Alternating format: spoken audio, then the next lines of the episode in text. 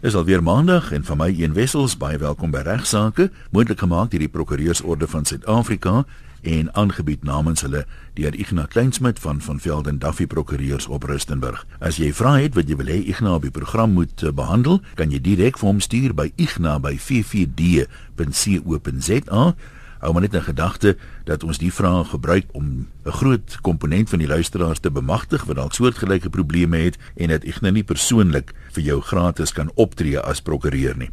Ek kry steeds navrae van mense wat vra maar waar kan ek die boeke koop wat ons van praat? So kom ons gee maar gou weer daai besonderhede.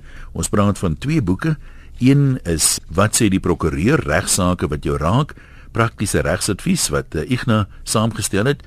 Die boek is al 'n hele paar keer herdruk. Ignas, daar's 'n bestel SMS nommer waarmee jy hom kan kry. Ja, goeiemôre luisteraars. Uh jy's welkom om die boek te koop by die gewone boekwinkels, maar die, as jy hom nie daar kry nie, kan jy hom ook bestel. SMS die woord prokureur. SMS die woord prokureur na die volgende nommer 078 6488 616 te saam met die naam en adres en hulle gaan dan met die kontak maak en vir die boek stuur. Die koste van die boek is R240 posgeld ingesluit.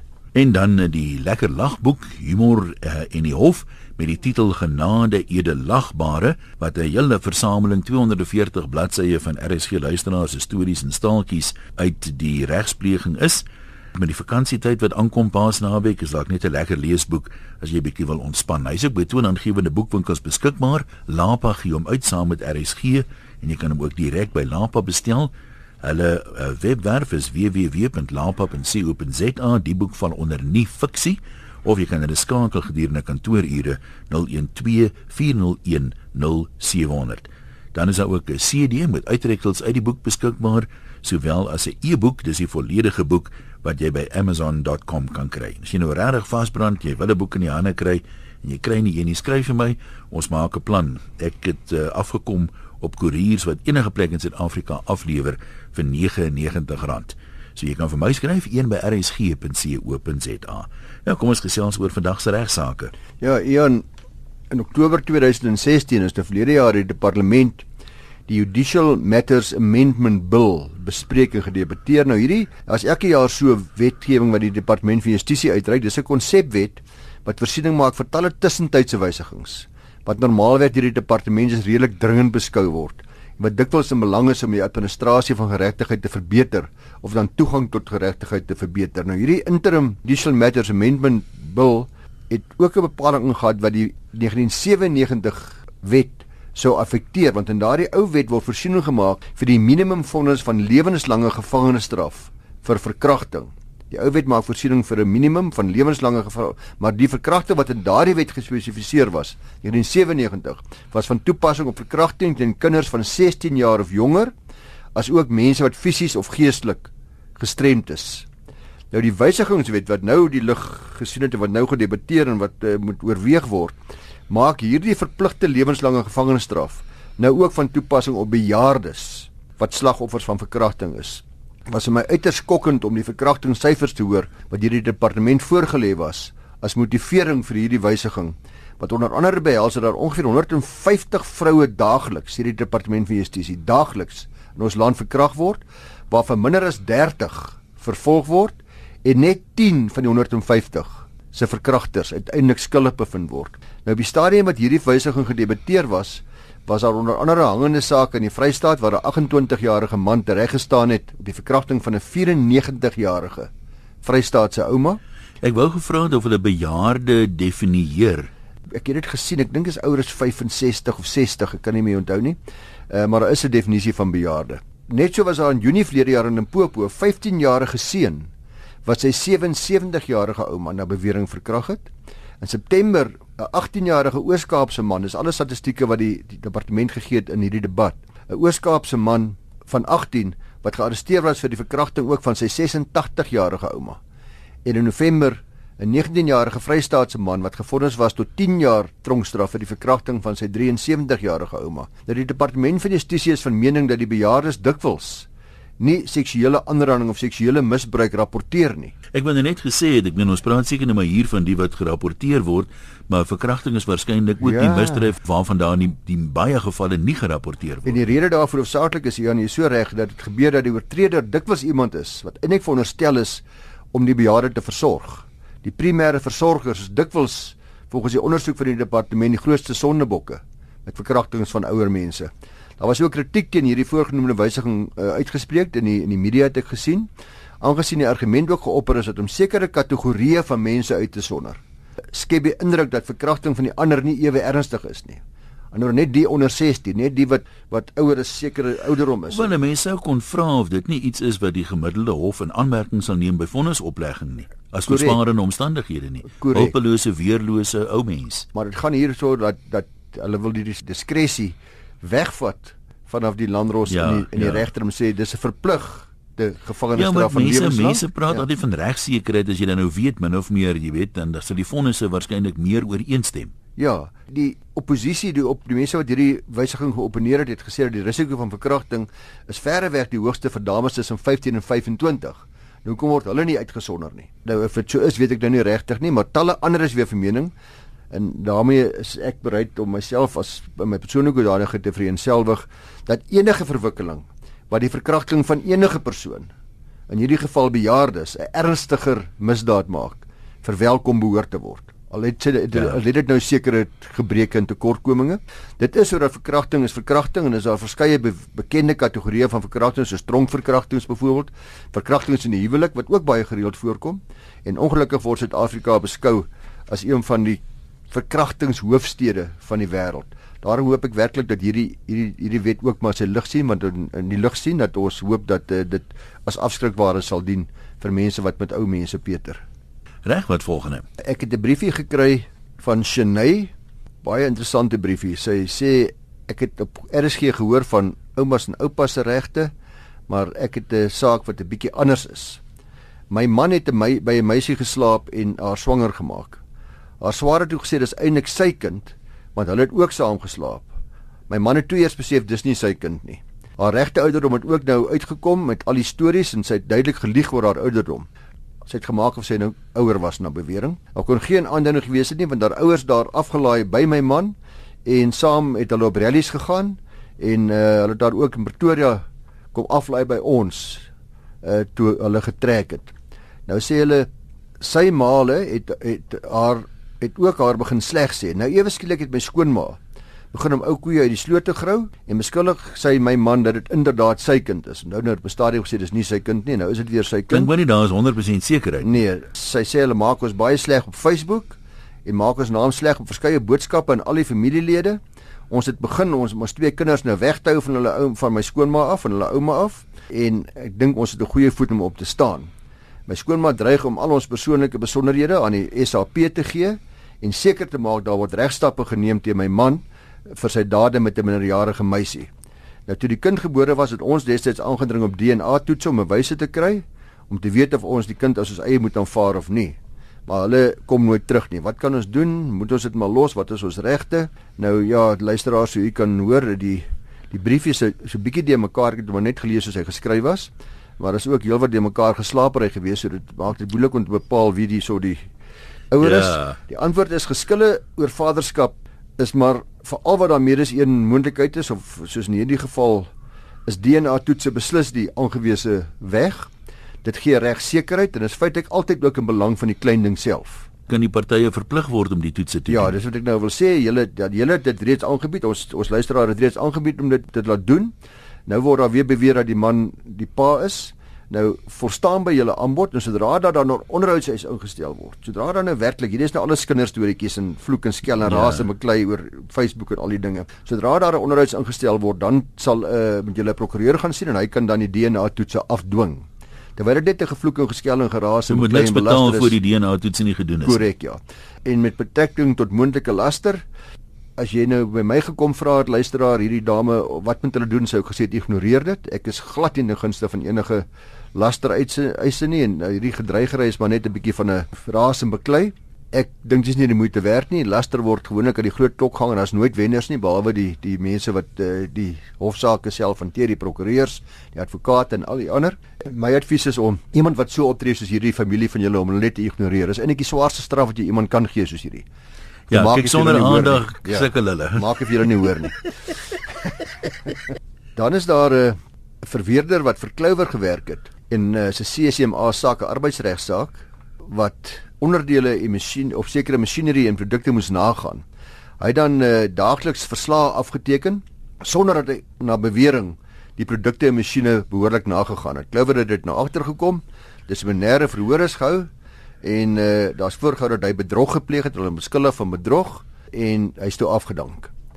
Hy het die saak toe CCMA toegeneem en dit daaraan hanging gemaak teen Clover vir onbillike ontslag. En tydens die verhoor by die CCMA het 'n werknemer van Clover, 'n uh, ene Bob, getuienis gegee waarin hy ook beweer het dat daar bedrog gepleeg was, uh dat hierdie verslae presies afgeteken was sonder dat die masjiene en produkte ooit nagegaan is. En die CMA het bevind dat Clover dit nie kon bewys het nie dat daar da, da, dus onbillike ontslag was. Nou die saak waaroor uiteindelik gaan is die verweerderde toe nou 'n saak teen Clover en teen meneer Bob ingestel in die Hoë Hof vir skade as gevolg van die laster oor hierdie beweringe van bedrog wat gemaak is by hom by twee geleenthede. Clover en Bob het toe geargumenteer dat beweringe wat gemaak is tydens geregtelike prosedure dat hulle beskerm word deur privilegie. Dat mens nie kan belaster word as jy dit as deel van 'n hofsaak gemaak het nie. Die hof bevind dat die beweringe van bedrog nie relevant was tot die CCMA saak nie. Dis nou by die eh, KVBA saak nie. En die verweerder is ook nooit aangekla vir bedrog nie. En daarom sê die hof het Clover en Bob buite die grense van hierdie privilegie opgetree omdat dit nie regtig relevant was nie. En daardeur uh, is hulle nie beskerm nie en uh, die hy slaag toe met sy eis in die hoë hof. Maar natuurlik sou Clover hierdie op appel neem wat hulle gedoen het. En ook Bob uh, na volbank toe waar daar verder gevoer is deur hulle dat die beweringe van bedrog weer eens geprivilegeerd was en is altyd die hof het bepaal dat daar op 'n oorwag van waarskynlikhede bewys moet word dat die beweringe wat gemaak was relevant was tot die saak. Die hof bevind dat die beweringe in hierdie geval dis nou appelhof, die drie man hof dat die beweringe wel relevant was tot die saak vir die CCMA en dat privilegie wel van toepassing was omdat die hele optrede van hom en alles wat gebeur het tydens daardie ding en en die moontlikheid dat hulle gedink het dit daar's wanvoorstellings dat dit wel relevant was om te bepaal of ontslag billik of onbillik was. So die hof sê ook dat uh, die verweerder nie in staat was om die teendeel te bewys nie. So die begin die luisteraars dieselfde beginsels is ook toegepas in die saak van Shalom Raymond Edward en Wright Graham en another. Hierdie saak het gehandel met lasterlike beweringe wat in die eerste verklaring gemaak is waar die een prokureur 'n ander prokureur aan sy kliënt gedagvaar het vir laster. Daar het die hof ook bevind dat beweringe wat relevant is tot die verrigtinge wel beskerm word deur privilegie. So mens kan nie belaster word as jy beweringe maak wat relevant is om te bepaal of daar in die hofsaak gewen of verloor gaan word nie. Hierdie twee sake herinner natuurlik vir regsdienwoordigers en getuies daaraan om baie versigtig te wees wanneer mens lasterlike beweringe maak tydens 'n saak en dat mense vereiste vir privilegie altyd in gedagte moet hou dat jy nie irrelevante dinge moet kwytraak in hofsaake en dink jy gaan daarmee wegkom en dit nie ook laster kan wees nie. So mense loop wel die risiko van groot lastereise as jy irrelevante aantuigings maak teen 'n kliënt of teen die teenparty in 'n hofsaak. Uh, dan is ook 'n verdere vraag is of privilegie wel van toepassing kan wees in vir ons almal wat dissiplinêre verhore by die werk deurgaan. Want dit vorm ons nou nie deel van geregtelike verrigtinge nie. Die hof het ook gesê dat die twee uitsprake is nie van toepassing op die gewone dissiplinêre verhoor wat in huis gehou word nie. In so 'n geval is daar ander dinge stappe wat oorweeg moet word. Die hof verwys onder andere daaraan daar's 'n die, die daar kan 'n verweer wees wat daar regs of morele of sosiale verpligting op 'n persoon is en dan moet telkens met mens bepaalde privilegie van toepassing is as 'n objektiewe toets in hierdie gevalle. Dis veiliger in elk geval luisteraars om maar ja. weg te bly van onnodige dinge kwyt te raak by enige dissiplinêre verhoor of by enige saak wat voorspruit uit 'n regsgeskil. Luisteraars gedurende Januarie 2017 het president Jacob Zuma die gewysigde wet op werkloosheidsversekering onderteken. Nou daar's 'n paar interessante aspekte van hierdie wet wat ek met u wil deel. Daar word onder andere nou gesê dat jy moet binne 12 maande by die departement van arbeid aansoek doen om werkloosheidsvoordele. Nou dit is 12 maande nadat jy jou werk verloor het, dit was eers 6 maande. En baie mense was dikwels te laat geweest, so mense het nou 'n bietjie langer tyd om vir daai voordele aansoek te doen. Ek kan nie help nie, dit dit voel vir my as jy nou werkloos is en jy is nou geregtig op 'n toelaag, hoekom sal jy nou 6 maande wag voor jy aansoek doen? Die meeste mense begin onmiddellik weer werk soek of het hoop dat hulle weer onmiddellik werk gaan kry dink ek. Dit is wat vat gewoonlik tyd, weet ander woorde, ja, ek gaan wag 'n bietjie vir my dalk volgende maand, dalk volgende maand. Maar is jy nie geregtig daarop terwyl jy soek nie? Jy is jy is geregtig, maar as, ek, daar is 'n talle hoeveelheid en ek luisteraars ook een wat nooit eers dink aan werkloosheidversekering nie. Ek bedoel dit kom nie by hulle op om te gaan vra ja, daarvoor nie. Dis nou UIF wat jy betaal. Ja, dis die UIF. Hulle want hulle het uh, hulle het ander bronne van inkomste. Hulle het 'n man wat werk of 'n familielede wat hulle onderhou ensovoorts. Nou voorheen kon jy net vir 238 dae is. Uh, dit word nou uitgebrei na 'n maksimum van 365 dae as jy 4 jaar lank aan jou lopend gewerk het. So mense wat 4 jaar lank aan jou lopend gewerk het en dan werkloos raak, kan nou vir die hele jaar lank werkloosheidsversekering eis wat eers net uh, 238 dae was. Swangerskapsvoordele is vasgestel op 66% van jou norm, van die bedrag wat jy normaalweg opgeregtig op sou wees, maar belangrik lede op dat jy steeds seker eis as jy bedank of gedros het nie. Maar jy kan wel eis as jou kontrak net normaalweg beëindig is. Maar as jy self besluit het om jou werk te los, kan jy nie 'n werkloosheidsversekering eis nie. Dit is ook baie belangrik luisteraars dat jy moet by die departement geregistreer wees as iemand wat aktief besig is om werk te soek, sodat die departement dan self vir jou werk kan gee as hulle van 'n gepaste vakature bewus word. Sodat die helpende sê ek is 'n bietjie moeg gewerk. Nou gaan ek bietjie die staat se skouers leun nie.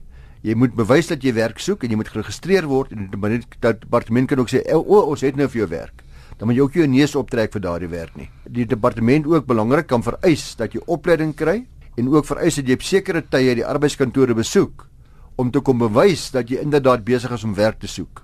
Aan 'n woorde skriftelike bewyse kom lewer. As jy 'n pos sou weier of opleiding sou weier, dan sou jou voordele dadelik opgeskort word wat vir my 'n baie oulike nuwe verwikkeling is wat wat wat baie sin uitmaak. 'n Belang want ek dink baie mense misbruik die hele stelsel. En 'n baie belangrike wysiging is artikel 2 wat nou voorsiening maak vir die heropleiding van mense wat voorheen geld van die werkloosheidsversekeringsfonds ontvang het. Die gedagte is dat nou, uit die aard van die saak dat indien die staat jou help vir 'n tydperk, jy bereid moet wees om ook opleiding te ondergaan om sodoende weer die arbeidsmark met beter kwalifikasies te kan betree sodat jy uit die staat se vangnet kan uitkom. Die werkloosheidsversekeringsfonds het 'n eenheid in die lewe gebring om werk te help skep, spesiale eenheid, ook word ook in hierdie wet bespreek en om die opleiding te reël en om werksgeleenthede te probeer beskerm. Nou, ek moet sê as mens nou die wet so lees en ek het nou nog nie die praktiese werking daarvan gesien nie, in geheel lyk hierdie wetgewing vir my baie sinlik en hoop ek dat dit 'n bydrae gaan lewer al is dit 'n kleiner bydrae om ons werkloosheidsprobleem so ietwat te probeer verlig. Ek kan nie help met te wonder jy het nou gesê as jy 'n pos van die hand wys, verval jou voordele onmiddellik. Ja. Maak dit saak sê nou jy's redelik goed opgelei, jy's afgedank uit 'n senior pos uit selfs 'n redelike junior pos moet jy aanvaar. Nee, kan jy nee, sê nee, hierdie is daarom nou nie. Dis 'n pos waarvoor jy Ek is 'n rekenmeester, ek gaan ja. nie admin doen nie. Dis 'n pos waarvoor jy geskik is. Die staat sal hulle het hulle eie reëls daaroor gemaak. Dis nie in die wet vervat nie, maar ek het verstaan dit sal 'n pos wees wat daarom vergelykbaar is met dit wat jy staat was om doen en normaalweg sou gedoen het. Goed. Dan uh, is die vraag wat gevra was wat gebeur indien 'n Suid-Afrikaanse burger misdade elders in die wêreld pleeg? Kan ek dan vervolg word indien dit al deur watter staat? Dit is maar 'n internasionale reg wat hier ter saak is. Dit was die vraag wat die hof in Carolusin teen 'n direkteur van openbare vervolging in die einde van 2016 in die Wes-Kaap moes beantwoord. Carolusin was 'n inwoner van Kaapstad en 'n werknemer van die stad Kaapstad met behulp van sy kantoorrekenaar het hy kinderpornografie vervaardig wat video's en foto's ingesluit het. Uh hierdie video's en foto's het hy opgelaai op die internet en deur sy e-pos rekening en deur Facebook versprei. Hy het ook daarop gedui dat hy in sommige gevalle die, by die minderjarige kinders betrokke was by molestering van die kinders. Jy kon dit op die foto's en die video's uh, sommige gevalle sien. Hy het dan van hierdie materiaal na 'n geheime agent in Maine daar in die Verenigde State van Amerika gestuur en die Amerikaanse regering het dit opgetel en dadelik uitlewering in terme van ons van die Wet op Uitlewering Wet 67 van 1962 versoek sodat hulle hom daar kon vervolg. Die landros vir die saak in die hof van eerste instansie in Suid-Afrika aangehoor het, het die uitlewering goedgekeur. Die minister van Justisie moes dus nog net die uitlewering dan afteken en goedkeur. Hangende met hierdie ministeriële goedkeuring of afkeuring, het die appellant teen die beslissing van die landros geappeleer en ook hierdie appel is deur die Hooggeregshof van die hand gewys. So hy kan dus uitgelewer word, sê die landroshof en so word dit ook bevestig deur ons Hoërhof. Regters Gamble en Downen is albei van mening dat die misdrywe waarmee die waarvan die waarvan die appellant aangekla is, naamlik die vervaardiging en verspreiding van kinderpornografie, sowel as seksuele molestering, beide hierdie misdrywe word nie net in Suid-Afrika gepleeg nie, dit word beide in Suid-Afrika en die FSA gepleeg. So daarom kan uitlewering plaasvind. Die regters wys ook daarop dat minderjarige slagoffers is deur die appellant uitgebuit in Suid-Afrika waar die pornografiese materiaal vervaardig is en daarna by internet gelaai is. Maar uh, die regters se vermening dat die FSA wel jurisdiksie kan toeëien oor die gedrag wat buite die FSA se soewereine grondgebied plaasvind waar daar potensiële skadelike uitwerking binne sy gebied is. So die pornografie word hier vervaardig, maar dit word daar versprei. So die aanklagte kan ook in die FSA dan uh, aanhangig gemaak word en die hof het die volgende opmerking gemaak met betrekking tot die kwessie van ekstraterritoriale jurisdiksie van die FSA spesifiek. Die hof sê hierdie wetgewing is daar gestel, hierdie uitleweringswetgewing om 'n soewereine staat toe te laat om wetgewing te verorden en individue te vervolg binne sy eie jurisdiksie wat verdink word van misdade wat elders in die wêreld gepleeg is, waar daardie misdade uiteindelik 'n nadelige uitwerking op jurisdiksie van daardie staat mag hê. So duidelik so 'n geval. So mense wat met hierdie soort van met internet is maar net weer 'n geval as jou handelinge in Suid-Afrika skadelike gevolge kan hê vir mense in die res van die wêreld omdat jy dit versprei op internet of op uh, ander uh, media middels, dan moet jy ook die gevolge in daardie land gaan deurgaan. Ons kan nog se enetjie doen. Okay. Daarin het ek 'n skrywe ontvang van 'n dame van Port Elizabeth. Alhoewel sy nie vra nie, gaan ek haar skrywe anoniem hanteer. Sy sê dat sy en haar man se gesamentlike boedel in 2009 gesekwestreer was. Hulle is daarna na die sekwestrasie ook geskei en albei van hulle het ook kriminele vonnisse gekry vir sekere transaksies waarby hulle betrokke was. Ek neem nou aan dis omdat hulle nie baie eerlik was met die hele proses van die sekwestrasie nie en hulle het sekere transaksies aangegaan wat uh, as oneerlik aangestip word in die in die insolventiewetgewing. Sy sê dat sy uiters swaar kry omdat niemand met haar besigheid wil doen nie. Dis nogal mense hoor dit baie gereeld. Jy besef nie wat die gevolge van sekwestrasie is nie. Mense wil nie meer besigheid doen as jy gesekwestreer is nie. Kry baie swaar om weer ook werk te kry. En dan sê skryf sy ook die volgende sin wat ek aanhaal. Sal daar dan nooit 'n einde kom aan die vernedering en die straf wat ek daagliks ondergaan nie? Mense wat gevangenisstraf kry word op parol uitgelaat of word na afloop van die tronkstraf weer deur die samelewing aanvaar maar dit lyk vir my of ek nooit weer my kop sal kan oplig nie. Nou, ek wil vir die dame aanbeveel om dringend 'n prokureur te gaan sien, aangesien dit blyk asof sy nie bewus daarvan is dat sy geregtig is om op 'n stadium gerehabiliteer te word nie. Nou rehabilitasie beteken, sy het nie vir my gesê kan presies wanneer sy gesekwestreer is nie. Rehabilitasie beteken die opheffing van die insolvensiebevel en die effek daarvan is dat sy dan geheel en al ontslaa is van die juk van die insolventie. In haar geval is haar kind sê iewers gesê 8 jaar of iets, maar is nie ver van 10 jaar af nie. En die goeie nuus is dat enige insolventie insolventie nie ewigdurend is nie, maar dat daar 'n outomatiese rehabilitasie is na verstryking van 'n periode van 10 jaar vanaf die datum van die vorige sekwestrasiebevel. Daar's ook baie insolvente wat voor daardie 10 jaar verstreke is aansoek doen by die hof om gerehabiliteer te word en in daardie geval is daar nogal 'n moeilike bewyslas op die insolvent om die hof te oortuig daarvan dat hy of sy inderdaad gerehabiliteer is. Dikwels sal die kurator se verslag hier 'n baie belangrike faktor wees om die hof te oortuig daarvan dat die insolvent inderdaad opgetree het binne die reëls van die insolventiewet dat die kurator ook van mening is dat rehabilitasie vir die skuldeisers aanvaarbaar is want hy tree op vir die skuld namens die skuldeisers dat hy ook sal sê daar was goeie samewerking gewees hierdie man het alles in sy vermoë gedoen om alles reg te maak met die skuldeisers behels verskeie aspekte van hoe daar opgetree is gedurende die tydperk van insolventie. Die skryfster gee geen aanduiding van wat gebeur het oor hierdie tydperk wat sy nou insolvent was. Sy wil sê sy is baie swaar gekry, maar ek stel voor dat sy dringend 'n prokureur gaan spreek wat spesialiseer op hierdie gebied. Sal die prokureur dan behoorlik kan adviseer of sy 'n kans het om dalk gerehabiliteer te word voor die outomatiese rehabilitasie oor 'n paar jaar plaasvind. Sy het so geraak aan die kwessie van mense wat tronkstraf uitdien en hoe hulle weer in die samelewing opgeneem word. Ek is ook nie so seker nee, dat dit so maklik gaan nie. Dit is so maklik as dit klink. Die mense kry verskriklik swaar om hulle self te bewys as hulle uit die gevangenisstraf uh vrygelaat word. Ja, want jy kan maar byvoorbeeld kyk na baie aansoekvorms. Is daar 'n pertinente vraag? Is jy al ooit aan 'n misdryf skuldig bevind? Daai tipe goed so. Dis belangrik vir werkgewers. Feitelik alle werkgewers sal lees dat daar op aandring om om ook uh, na die SAP 69 te kyk In die in die verlede was dit 'n verskriklike moeilike ding. Jy sal onthou as aanklaer. Ja. Uh jy moet se SAP 69 die rekord van 'n misdaadgeskiedenis moet jy aanvra en dan wag jy baie keer maande. In ons strafhowe word daar nog steeds maande en maande gewag, maar daar's heelwat uh, mense wat deesdae met die druk van 'n knoppie vir jou kan sê wat die misdaadgeskiedenis is uh, van 'n aansoeker en daar's mense wat spesialiseer daarin. En soos jy reg sê, mense stel nie maklik iemand aan wat hom uh, wat uh, reeds 'n misdaadgeskiedenis het nie. Wel, miskien is dit ook uh, iets wat 'n mens weer in gedagte kan hou. Mense wat dalk betrokke is by iets onbehoorliks, wees maar versigtig, moet liewer dit nie doen nie of as jy kan die insolventie verhoed, soms is dit nou maar 'n ding buite jou beheer, jy kan niks daaraan doen nie, maar dikwels is 'n mens eerlik is en is dit maar jou eie wanbesteding van geld, jy werk nie reg met geld nie, so put net maar daai dinge uit, skuldberading en al hierdie goed, probeer dit vir my by ouend is voorkoming nou maar beter as as genesing. Baie goeie advies hier en baie goeie advies. Dis al wat ons het vandag vir jou. Baie dankie dat jy geluister het na regsaake. Ons is volgende maandag terug.